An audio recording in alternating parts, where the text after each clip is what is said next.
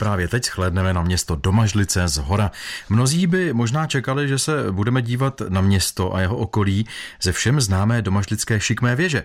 Ale není tomu tak. Tentokrát se budeme kochat z ochozu vyhlídkové věže Chodského hradu, kde sídlí Muzeum Chodska. Jeho ředitel Josef Nejdl vzal na věž naši redaktorku Kateřinu Dobrovolnou. Kolik schodů má vyhlídková věž Chodského hradu? Já myslím, že jste počítala, když jsme šli nahoru. To se přiznám, že počítat schody jsem jaksi pozapomněla. A já to tedy prozradím, je to přesná stovka. Kam všude vidíme za dobré viditelnosti, jaký je tady rozhled? Je tady velice zajímavý rozhled, tady ten výhled já bych nazval spíše komornějším. Vidíme tady zadní části zástavby domažického centra, vidíme tady Pavlače, to je takový charakteristický rys těch domažických domů. Vidíme tady dvorečky, málo se ví, že to historické jádro Domažic bylo i zemědělským, nejenom obchodním, kde vždycky fungovalo nějaké drobnější hospodářství formou takového toho samozásobitelského charakteru. Na co se ještě díváme? Dál můžeme vidět dominanty historického centra, můžeme vidět radnici, rovněž ze zadu. Vidíme samozřejmě městskou věž, asi největší dominantu domažlického náměstí, vidíme dolní bránu, ale tamhle se podívejte, kamenný kostel zjistování Pany Marie, takzvaná lokalita u svatých. Čím je unikátní zrovna tahle lokalita? Je to kostel, který má velice zajímavý příběh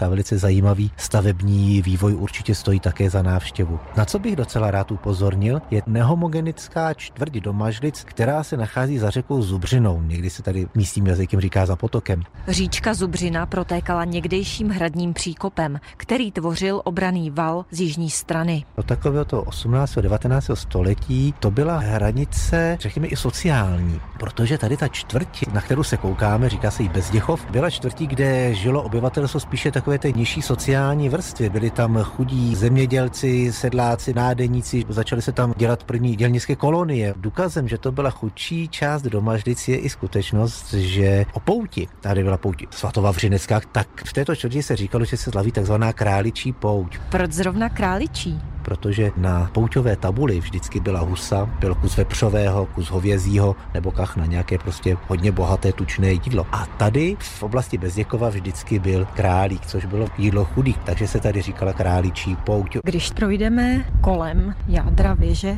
fouká tady hodně vítr, Tady se díváme na druhou stranu a tady vidíme co? Pokud se díváme západním směrem, tak vidíme půdorys Chodského hradu s Átriem, ale potom to, co vidíme z Domažlic, už není příliš malebný pohled, ale to neznamená, že by nestál za blížší zkoumání. My tady vidíme především hradbu Českého lesa. Hradba Českého lesa je pohraniční pohoří, které i v roce 1918, dá se říct, kdy vznikla naše republika, bylo jedinou nespochybnitelnou hranicí českého státu. Uvádí Josef Nejdl, který se mnou vystoupal na vyhlídkovou věž Chodského hradu v Domažlicích. Kateřina Dobrovolná, Český rozhlas.